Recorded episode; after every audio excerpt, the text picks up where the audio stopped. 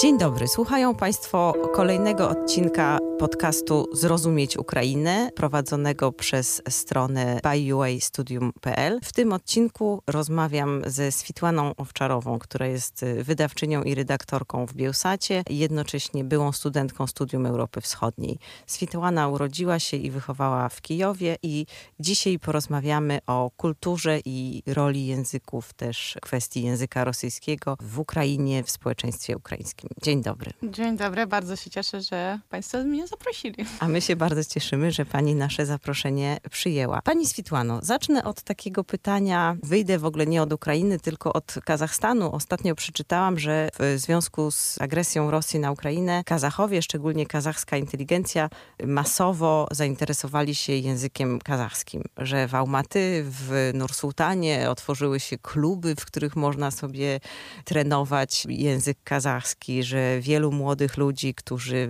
studiowali, uczyli się po rosyjsku, teraz wraca do tego języka, który był do tej pory językiem tylko komunikacji ich, nie wiem, z dziadkami i, i babciami. A mimo, że Kazachstan nie jest nawet stroną tej wojny. Natomiast w Ukrainie oczywiście wiadomo, że duży procent społeczeństwa był rosyjskojęzyczny, że Putin wykorzystał kwestię rosyjskojęzyczności do agresji, nawet już nie tylko teraz, ale w 2014 roku. Jak pani zdaniem ta wojna wpłynie na kwestię, na miejsce języka rosyjskiego w sercach Ukraińców, ale też po prostu w takim posługiwaniu się tym językiem na, na co dzień? No po pierwsze warto powiedzieć, że już wpłynęła, bo jak pokazują statystyki według badań socjologicznych, to już w marcu było tak, że prawie powyżej 70% osób na Ukrainie e, mówili, że język ukraiński jest językiem ojczystym. W porównaniu na przykład, że 10 lat temu ten wskaźnik był tylko na poziomie powyżej 50%. Plus powyżej 80% osób mówi, że ukraiński język musi być jedynym językiem państwowym. Więc jak widzimy, że ten proces trwał przez dłuższe lata. No i teraz ta wojna po prostu ten proces przyspieszyła. Bardzo mi się podoba, jak powiedział prezydent Ukrainy Wołodymyr Zeleński o tym, że nikt tak dużo nie zrobił dla derusyfikacji Ukrainy jak Rosja teraz. Przy czym, że ta wojna spowoduje, że ten proces derusyfikacji odbędzie się za jedno pokolenie i na zawsze. I właśnie to przyspieszenie i ta kwestia identyfikacji siebie przez język, bardzo ważna teraz e, na Ukrainie i nawet nie wiem jak w Kazachstanie, ale na przykład na zachodniej części Ukrainy teraz tworzą kursy języka ukraińskiego dla uchodźców, którzy przyjechali na przykład ze wschodu Ukrainy i na przykład no, na co dzień się posługiwali językiem rosyjskim, ale teraz uważają, jakby chcą się nauczyć ukraińskiego dla codziennego użytku. Na Ukrainie jest tak, że każdy ten język ukraiński rozumie, może w jakiś sposób się posługiwać, ale tu jest jeszcze kwestia przyzwyczajenia. Dla wielu osób to używanie języka rosyjskiego na co dzień to była kwestia pochodzenia, tego, że większość była z rodzin mieszanych, to znaczy jak na przykład ja. Zawsze byłam dumna. Znaczy mieszanych, czyli takich, gdzie się rozmawiało oboma, oboma językami, językami domu, tak. tak. Ja na Mhm. przykład miałam tak, że ojciec mówi po ukraińsku, mama mówi po rosyjsku, nigdy to nikomu nie przeszkadzało. Mhm. No ja zawsze byłam trochę dumna, że od urodzenia mam dwa języki Mhm. ojczyste. Przecież to poszerza moje możliwości poznania świata, kultury. Ale to nigdy nie było kwestionowane, że jestem Ukrainką, że ten język państwowy musi być tylko ukraiński. Więc y, jak dla mnie, tak dla dużej ilości ludzi, to była kwestia po prostu różnorodności i tego, że była możliwość posługiwania się różnymi językami w różnych sytuacjach rzeczowych. Jeszcze chwilkę porozmawiajmy o tym, jak to było do wojny, do tej pierwszej agresji jeszcze w 2014 roku, bo chyba trzeba właściwie to uznać za taką pierwszą cezurę. Czy nie? Czy dopiero taką radykalną zmianą był jednak ten 24 lutego? Mi się wydaje, 2022. że e, jeżeli mówimy o języku i o tych zmianach, to warto zacząć może nawet 2004, bo na przykład po rewolucji pomarańczowej w 2006 roku się pojawiła ustawa, która obowiązywała, jak na przykład film musiał się pokazywać w kinie, to on e, musiał być albo z lektorem ukraińskim, albo z napisami po ukraińsku. Więc taka miękka ukrainizacja już się zaczęła na początku lat 2000. Oczywiście, że po agresji w 2014 roku pojawiła się ta kwestia już separacji pomiędzy jakby kulturą rosyjskojęzyczną a kulturą z Rosji. Jest tak, że teraz na przykład jak mówimy o muzyce ukraińskiej, no to mamy muzykę ukraińską w języku ukraińskim, a mamy muzykę ukraińską w języku rosyjskim, tworzoną przez twórców ukraińskich, którzy jakby też no, przechodzą na ten język ukraiński, ale to też jest kwestia, ciężko kogoś musić pisać, nie wiem, wiersze albo piosenki w języku, w którym on na przykład tego nie czuje. Dlatego też musi trochę czasu minąć, musi być jakby nie wiem, no inspiracja, że, że osoba musi czuć ten język na tyle, aby tą piosenkę napisać albo ten wiersz. No tak, a chciałam jeszcze wrócić do tego, oczywiście w Polsce tutaj doskonale zdajemy sobie sprawę, że to, co opowiadają na Kremlu, tak, że osoby rosyjskojęzyczne były prześladowane, no to to jest po prostu czysta kremlowska propaganda, ale proszę mi powiedzieć, czy na przykład pani osobiście spotkała się kiedyś z tym, że jako Ukrainka powinna pani posługiwać się wyłącznie ukraińskim? Czy na przykład rzeczywiście takie rzeczy się zdarzały? Czy był ten podział na ukraińskojęzycznych i rosyjskojęzycznych Ukraińców? Czy na przykład próbowano czasem pokazywać, że w zasadzie Ukraińcy powinni dążyć do stania się w 100% ukraińskojęzyczni? Jak, jak to wyglądało jeszcze w początku lat 2000 na przykład? Tak. Jeżeli mówimy o początku lat 2000, to oczywiście, że ten podział jeszcze istniał. Oczywiście, że były takie stereotypy, że jak są duże miasta, to przeważnie język rosyjski, ale to naprawdę stopniowo się zmieniało.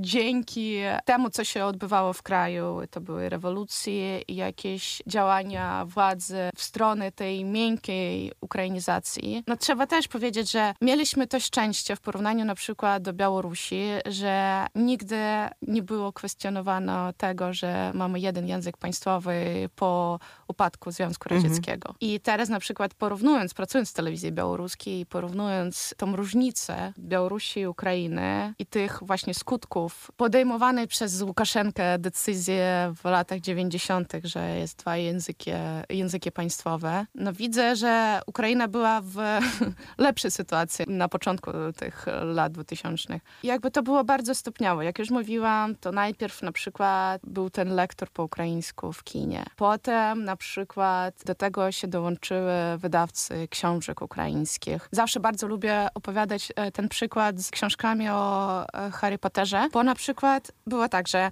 filmy zaczęli robić z dublingiem ukraińskim.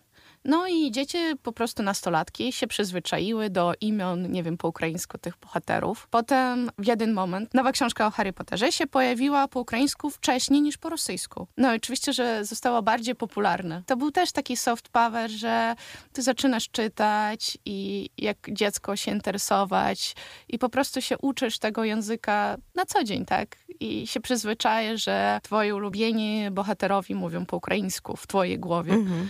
Chociaż najpierw dziwnie to odbierało się, że tam, nie wiem, że jest Hermiona albo Hagrid, mm-hmm, i że mm-hmm. po rosyjsku on jest Hagrid. No ale potem już wszyscy są przyzwyczajeni do tego. Potem na przykład pojawiły się kwoty ilości muzy- muzyki w języku ukraińskim w radiu. Mm-hmm. I to było tak, że były oni, oni na poziomie 35%. Też najpierw wydawcy i stacje radiowe pisali, że mają problem z tym, że wypełniają trochę sztucznie na przykład jakimiś piosenkami starszymi, nie wiem, tam Okeanem Elzy. Mm -hmm ale potem to były takim momentem, który pozwolił się pojawić bardzo dużej ilości ukraińskojęzycznych piosenkarzy i wykonawców. Czyli rzeczywiście zadziałało. To, to tak? zadziałało, tak? tak, tak. Stopniowo, ale to zadziałało. No i teraz to naprawdę bardzo mi dziwi, ale jeżeli z muzyką, to naprawdę na Ukrainie nie ma problemu z tym, żeby przetrwać, powiedzmy, mhm. bez muzyki rosyjskiej, bo naprawdę są dużo wykonawców, którzy że śpiewałem na bardzo wysokim poziomie, prawie światowym, to znaczy na, nie prawie, ale konkurencyjnym mm -hmm. na skalę światową, to na przykład e, w sferze blogerów, więc YouTube'a, TikToka, Instagrama, oczywiście ostatnie lata ten język rosyjski dominował z punktu widzenia oczywiście ilości subskrypcji. Że chodziło o to, że jest cały ten rynek tak, rosyjskojęzyczny że, poza Ukrainą, tak, do którego się oni się zwracają. znaleźć więcej odbiorców, jeżeli mówisz po rosyjsku. Na przykład w, na YouTubie albo w TikToku i na Instagramie. Ale teraz za te dwa miesiące, już powyżej dwóch miesięcy wojny, widzimy, że ci blogerzy e, przechodzą na język ukraiński. Mhm. I nawet jest taki hashtag, po ukraińsku on brzmi ja zabula, po polsku zapomniałam. To jest właśnie ta historia, kiedy bloger przechodzi na język ukraiński, a ktoś mu zaczyna pisać, że a jak to? Przecież przez całe życie mówiłeś po rosyjsku. No i ktoś odpowiada, że zapomniałam. A czemu w rodzaju żeńskim? Nie wiem, bo na TikToku się pojawiła piosenka aha. i tam była właśnie to zdanie w języku rosyjskim, więc tak pozostało. Aha, aha, Rozumiem. Jeszcze o tym, na ile Ukraina była właśnie taką dostarczycielką kultury rosyjskojęzycznej. Chwilę chciałabym, żebyśmy porozmawiały, ale wrócę jednak do tego mojego pytania, bo bo pani troszkę od niego uciekła. Ja też się czuję z drugiej strony niezręcznie zadając to pytanie w kontekście wojny i agresji rosyjskiej. Ono jest po prostu trudnym pytaniem. Ale zastanawiam się, czy był w Ukrainie jednak taka tendencja do dzielenia Ukraińców na tych lepszych ukraińskojęzycznych i na tych gorszych rosyjskojęzycznych. Czy tego po prostu naprawdę w ogóle nie było? Nie, nie. Mi się wydaje, że naprawdę tego nie było. I nawet po 14 roku, no nie wiem, no też jest taki przykład, że jest taka piosenkarka Ola Polakowa, która mhm. śpiewa powiedzmy coś podobnego na disco polo. Jakaś taka muzyka, lekka muzyka popularna mhm. zawsze po rosyjsku. No ona miała swoje koncerty w Lwowie i żadnych problemów z tym nie było, chociaż nie, ma, nie miała żadnej piosenki po ukraińsku. Mi się wydaje taki mit stworzony przez polityków, że jest jakaś różnica pomiędzy tymi Ukraińcami rosyjskojęzycznymi mhm. a ukraińskojęzycznymi. Tym bardziej nie da się postawić znaku równości pomiędzy osobą rosyjskojęzyczną, jakby osobę, która mówi po rosyjsku, a wspiera Rosję. Mm-hmm, mm-hmm. Albo idzie w stronę, która chce, nie wiem, jakiejś tam integracji, powiedzmy, z Rosją. Mm-hmm, zawsze, zawsze mam przykład swojej mamy, która przez prawie całe życie mieszka w Kijowie. Ze względu na to, że pochodzi z Rosji, oczywiście, że język rosyjski jest jej językiem ojczystym. No i za te 30 już 6 lat mieszkania w Kijowie, no i się nie spotkała z jakimś problemem posługiwania się językiem rosyjskim, kiedy jest taka potrzeba, na przykład, nie wiem, w urzędach kawiarniach. No, przychodzi na język ukraiński, kiedy chce. Ona po prostu mówi zawsze, że się wstydzi akcentu. Chociaż też uważam to za bardzo dziwne. Chociaż no, że akurat po, jest po taka wielość akcentów chyba, tak? Że to jest no, tak ale, zróżnicowane wie pani, no po dziewięciu latach mieszkania w Polsce, mhm. no też było ciężko mi przełamać ten strach mówienia i właśnie ten strach tego, że ktoś ci będzie oceniał z akcentu. Mówię, że no naprawdę nie było jakiegoś problemu. Tym bardziej, że na Ukrainie to było robione stopniowo. To jak mówiłam, że na przykład tam najpierw kultura, potem dopiero, nie chcę się pomylić, nie pamiętam dokładnie kiedy, ale naprawdę już po tym, jak Zeleński został prezydentem, mhm weszła ustawa w życie, która obowiązuje wszystkich pracowników e, gastronomii, właśnie sfer usług, posługiwać się językiem ukraińskim. Tym, że na przykład, żeby menu było w restauracji, tak? Tak, żeby po menu było ukraińsku. po ukraińsku, żeby na przykład ja jako obywatel przychodząc do restauracji mogę,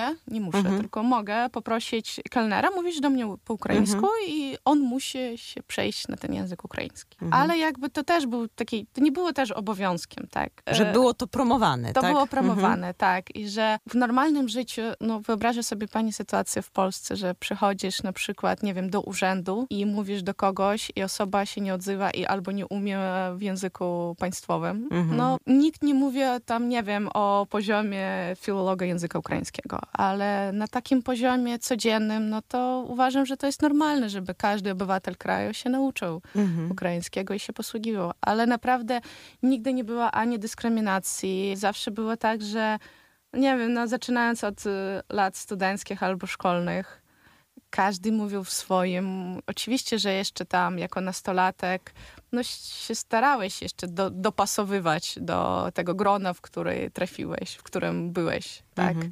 Więc jak większość mówiła po ukraińsku, no to mówiłeś po ukraińsku, jak większość mówiła po rosyjsku, to po rosyjsku, ale tak, żeby, nie wiem, ktoś tam do ciebie się nie odzywał, bo mówisz po ukraińsku albo mhm. na odwrót, no nie, tego, tego na pewno nie było. Mhm. Tak jak powiedziałam, chciałam jeszcze wrócić do tej kwestii właśnie, no głównie tych internetowych twórców kultury, którzy po prostu, no szukając też publiczności, używali języka rosyjskiego. A jak było ich z odbiorem? Czy jakby dla tych odbiorców poza Ukrainą to było jasne, że to jest jednak kultura ukraińska? Czy była ta taka ścisła granica? W sensie, że takim, czy, czy język nie był wyznacznikiem, prawda? Że była to oczywiście, nie wiem, rosyjskojęzyczne tam, nie wiem, programy, ale z drugiej strony, czy wszyscy mieli świadomość, że, nie wiem, taki, a taki tam TikToker jest Ukraińcem? Mi się wydaje, że nie do końca i mi się wydaje, że to jest właśnie kwestia po prostu globalizacji. Mhm. Tego, że e, jeżeli mówimy o, nie wiem, o Instagramie albo o YouTubie, o tych blogerach,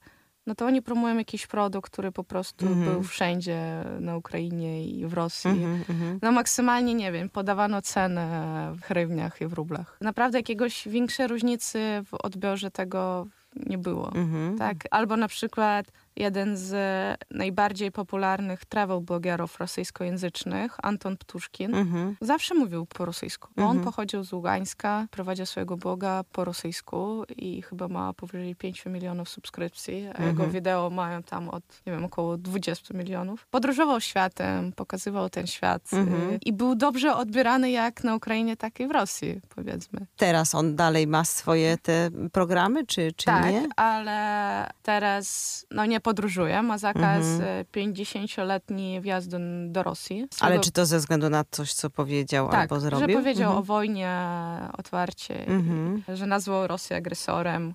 I teraz prowadzi swojego bloga, bo on miał kilka kanałów i mhm. jeden miał po angielsku. Mhm. Teraz prowadzi tego angielskojęzycznego kanału i pokazuje życie, codzienne życie na przykład w Kijowie mhm. w czasach wojennych. I na przykład y, jest, myśli pani, że z, ro, rosyjski y, użytkownik internetu może go obejrzeć, czy on jest jakoś blokowany? Nie wiem, nie sprawdzałam mhm. właśnie. Póki YouTube nie jest zablokowany w Rosji, mhm. no to jest taka możliwość, żeby odbiorca z Rosji mógł -hmm. znaleźć i obejrzeć to wideo. Mm -hmm. To jest jeszcze kwestia, nie wiem, poszukiwania informacji. No tak, czy się w ogóle chce je znaleźć. Tak, informacji. oczywiście. Chciałam jeszcze zapytać o samego prezydenta Zieleńskiego, no, który też w pewnym sensie tworzył tę rosyjskojęzyczną kulturę, będąc Ukraińcem. W ogóle na przykład na ile jego rosyjskojęzyczność była problemem w czasie, kiedy on startował w wyborach, czy w ogóle była podnoszona ta kwestia? No to znaczy, jako redaktor języka ukraińskiego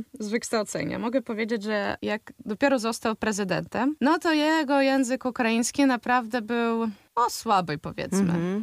Że było słychać, że widać było, że dobiera słowa. Trudno mu w jakichś momentach tą rosyjskojęzyczność przełamać. Mm-hmm. Właśnie został tym przykładem dla wielkiej ilości osób na Ukrainie, że się nauczył i nauczył się na takim poziomie, że teraz no jakby na co dzień się posługuje językiem ukraińskim. I to też było dużo memów z jego wywiadu mhm. dziennikarzom rosyjskim. Tego takiego internetowego e, tak, już w czasie tak, wojny, tak? Tak, tak, mhm. w czasie wojny. Gdzie on mówi po rosyjsku i w jakichś momentach dodaje jakieś słowo po ukraińsku mhm. albo pyta kogoś, kogoś to tam z nim siedzi. Da, a mhm. jak, jak to po rosyjsku powiedzieć? Mhm. Ale myślisz, że to była taka, taka trochę gra, żeby pokazać jak bardzo mi się nie wydaje, że to była Aha. gra. To jest już kwestia, jak przechodzić na jakiś Że jak język, po prostu myślisz że... już w jednym tak, i tak, tak funkcjonujesz, tak, to drugi ci jest... Ale też nagrywał jakieś małe filmiki, jak nie wiem, ćwiczę w hali sportowej, się uczy ukraińskiego i że jak nie mógł przypomnieć jakiegoś słowa, to robił jakieś tam dodatkowe pompki. Mhm. I to też było takie no, rozrywkowe, ale też motywujące dla osób, którzy na przykład się bali przejść na język ukraiński. Teraz jakby w ogóle kwestia języka nie jest kwestionowana, chociaż on przychodzi na język ukraiński i mówi, że nigdy nie będziemy dzielić Ukraińców ze względu na ze język. Na język mhm. tak. Nie mówię po ukraińsku sama, no, ale rozumiem ukraiński i też mam trochę wrażenie, jak słucham tych jego przemówień od początku wojny, że o ile na samym początku często było tak, że on mówił część po ukraińsku, ukraińsku, a później na przykład zwracał się do rosyjskich odbiorców, gdzie oczywiście ich prosił o to, żeby wychodzili na demonstracje, protestowali przeciwko wojnie i tak dalej. I miałam wrażenie właśnie jeszcze, nie wiem, w lutym, na początku marca, że w tych częściach przemówienia, gdzie on mówi po rosyjsku, on jest taki dużo bardziej swobodny i dużo bardziej taki płomienny. Natomiast to się kompletnie zmieniło teraz. I teraz mam wrażenie, że nawet przez tych kilka miesięcy wojennych zaczął wydaje, chyba dużo y, lepiej mówić, tak? tak? Czy to, to jest moje wrażenie, czy już taka sama ale, autosugestia? No to znaczy, że możliwe, ale może to jest po prostu kwestia tego, że nie wiem, no codziennie musi nagrywać to swoje przemówienie przemówienie do mhm. narodu ukraińskiego po ukraińsku. I właśnie jakby to jest taka kwestia ludzka tego, ile czasu na przykład dziennie mówisz w tym, a w tym języku. Możliwe. Mhm. Nie zwracam na to uwagi. Rozumiem. Mi się wydaje, że ostatnie miesiące jeszcze przed wojną, no to dobrze sobie radził z językiem ukraińskim. O wiele lepiej mhm. niż na początku swojej kadencji. W końcu to minęły trzy lata. Dwa. Tak, tak, dwa mhm. lata. I, mhm. no i nigdy nie ukrywa, że pochodzi z Krywego mhm. z obwodu Dniepropetrowskiego, no, które przeważnie było rosyjskojęzyczne. Mhm. A mam pytanie z kolei w ogóle o obecność ukraińskiego i kultury ukraińskiej, bo ta wojna też chcąc, nie chcąc zrobiła, mam wrażenie, bardzo dużo dla popularyzacji ukraińskiego w ogóle w świecie. To, że nagle ja mam mnóstwo znajomych, którzy się nigdy nie, żadnymi wschodnimi sprawami nie interesowali, a nagle mi mówią, że na, jak się nazywa ta aplikacja do nauki języków? O, wiesz, teraz to ja się uczę ukraińskiego. Kilka razy dziennie sobie tam włączają te takie początkowe lekcje. Czy, czy pani to też zauważyła? Czy na przykład wśród swoich polskich y, znajomych zauważyła pani Pani wzrost zainteresowania ukraińskim językiem i, i, kulturą ukraińską? Tak, zauważyłam, ale w pierwszej kolejności bo jest zapotrzebowanie, powiedzmy. W mhm. Polsce naprawdę tyle ofert różnych pracy, na przykład z językiem ukraińskim, no to nie było nigdy. Mhm. Albo, nie wiem, tam pracy dla tłumaczy mhm. też mnóstwo i widać, że jakby ten kierunek się rozwija i oczywiście, że w kwestii, nie wiem, zbudowania kariery może to jest dobra inwestycja. To, co zauważam, że na przykład moi znajomi z Ukrainy, którzy, nie wiem, no w strefie, jakby na ulicy do siebie mówili na przykład pomiędzy mhm. sobą w Polsce mówili po rosyjsku, no to teraz przechodzą na ukraiński. Czyli, że co, że zrobiło się tak trochę wstyd nie, mówić to, to po rosyjsku? Nie, to nie czy to nawet nie jest kwestia wstydu, wstydu? To jest kwestia właśnie identyfikacji. Chcesz się oddzielić, odseparować i pokazać, kim jesteś. Chociaż, no nie ukrywajmy, że sporo ludzi w Polsce nie widzą różnicy pomiędzy nie słyszą jeszcze no różnicy tak. pomiędzy mm -hmm, rosyjskim No ale to się też pewnie, to się też pewnie zmieni. No. To się też pewnie zmieni w związku z tym, że jednak no, jeżeli będziemy mieli tych kilka milionów, chociaż oczywiście część z tych Ukraińców to są Ukraińcy rosyjskojęzyczni, nawet pewnie większa część, bo oni przyjechali właśnie z tych wschodnich rejonów Ukrainy, które były najbardziej dotknięte działaniami wojennymi. Natomiast ja mam jeszcze pytanie o surżyk i o w ogóle tę taką kwestię czystości językowej. Czy to jest tak, że to jest takie zjawisko z czasów sowieckich i to jest język, którego nosicielami są już tylko po prostu starsze pokolenie? Czy też są młodzi ludzie, którzy się posługują nie. tym? To nie jest kwestia wieku, mhm. na pewno. To jest kwestia otoczenia mhm. i tego, że no, rośniemy w tym świecie jakby wielojęzycznym i łączymy te słowa. Ta mieszanka językowa istnieje na co dzień. Oczywiście, że nikt nie dobiera tych słów idealnie, nie wiem, mm-hmm. według słownika języka ukraińskiego. Ale moim zdaniem jest w tym sur- surżyko taki smaczek, bo mm-hmm. e, teraz, jak mówimy na przykład o tych piosenkach już e, viral, mm-hmm. wirusowych w TikToku z tym bardzo znanym panem i jego zdaniem, że Wowa walcz z nimi, tłumaczymy to w taki sposób, no to on mówi w surżyku. Mhm. Taki super mieszance. W tym też jest swój kaloryt i widać, że coś żywego w tym jest. Oczywiście, że no jakby w chwili obecnej nikt nie walczy o tą literaturność tego języka ukraińskiego, że on po prostu żywy. Nie wiem, jak to wytłumaczyć. Ja, ja strasznie lubię surżyk. Ale czy to jest tak, że jest jeden surżyk, czy właściwie każdy region ma swój własny surżyk? Czy każde środowisko Każde ma? środowisko. -huh, to -huh. znaczy, że z akcentu i z, z tego surżyku da się zrozumieć skąd mniej więcej, kto skąd kto jest. I jeszcze mam pytanie dotyczące tego już, już bardziej kwestii kulturowych, bo jeszcze w 2014 roku pamiętam, że część polskich na przykład dziennikarzy piszących o sytuacji no, związanej też z wojną na Donbasie, z tym, co w ogóle się działo wtedy na Ukrainie, mówiła o tym, że Ukrainie brakuje takiej popkulturowej opowieści narodotwórczej. Mam wrażenie, że to się bardzo zmieniło. Jakby o tym pani mogła trochę opowiedzieć. Też uważam, że bardzo to się zmieniło i naprawdę właśnie w 13-14 roku się pojawiło pytanie, co tak naprawdę nas łączy. To znaczy, że czy mamy jakąś ideę, która by łączyła i wschód, i zachód, mhm. północ, południe, każdą, każdą część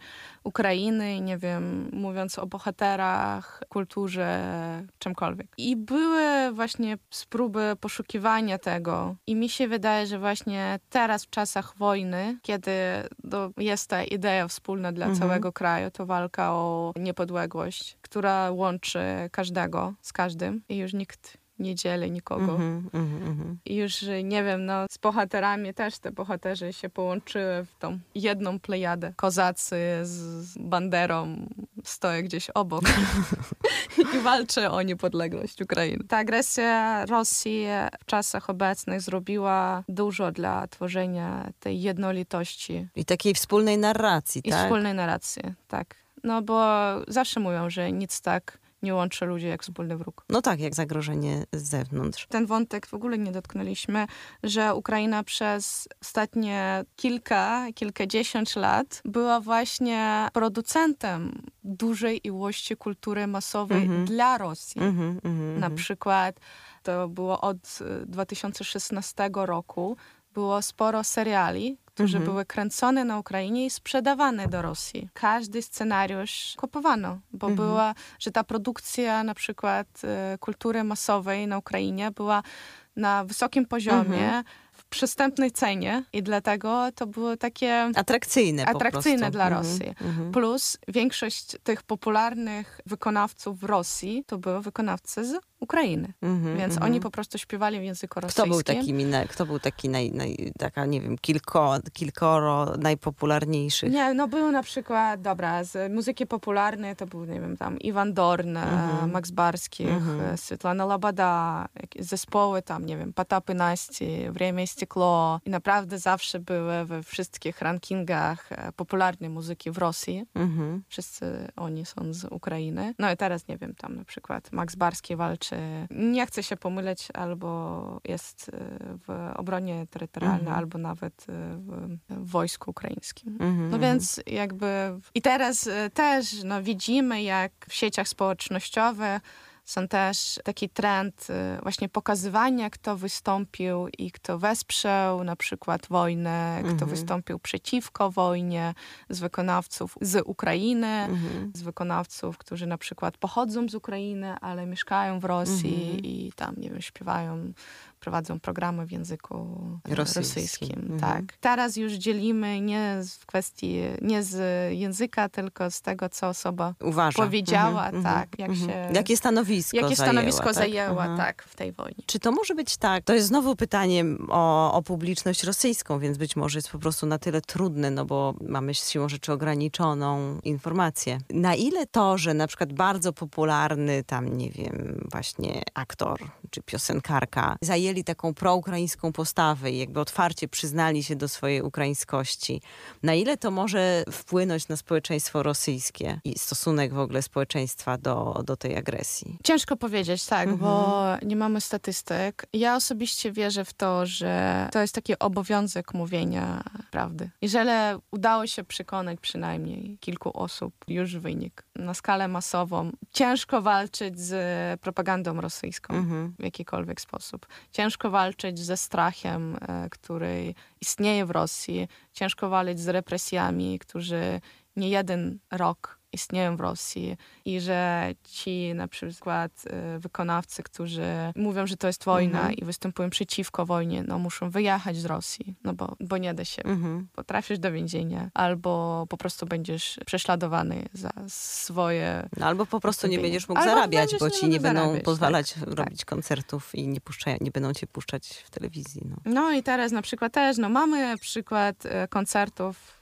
O, na przykład, nie wiem, Noise MC, Manieteczki, którzy jeżdżą, występują, śpiewają po rosyjsku, ale zbierają pieniądze dla uchodźców z Ukrainy. Wszystkie pieniądze z, zarobione z koncertów oddają fundacji, która pomaga uchodźcom z Ukrainy. No Więc i jak to jest też mamy. No byłam na przykład na ich koncercie w Warszawie. Mhm. Dobrze było przyjmowane i Mhm. obok, no i oczywiście, że większość e, to były osoby z Białorusi, Ukrainy i Mhm. Rosji. Wspólna impreza Mhm, powiedzmy. mhm. Rozumiem. Jakoś Podziału nie, nie istniało. Kultura ukraińska staje się popularną na, w skali światowej. Przynajmniej już nie mówię o Eurowizji, dyskusje o której tak aktywnie teraz e, się toczą, ale na przykład, nie wiem, no, jakieś bardzo znane wykonawcy śpiewają z wykonawcami z Tak, Ukrainy. no. na przykład Pink no, Floyd mamy śpiewa. Pink Floyd, mamy U2, Mhm. nie wiem, Eda Sheerana, który Mhm. śpiewa z antycielami e, Mhm, razem, mhm, wspólną, mhm. mają wspólną piosenkę. Taka promocja kultury ukraińskiej i wierzę w to, że jak nawet nie będzie tego rynku rosyjskiego dla wykonawców ukraińskich, no to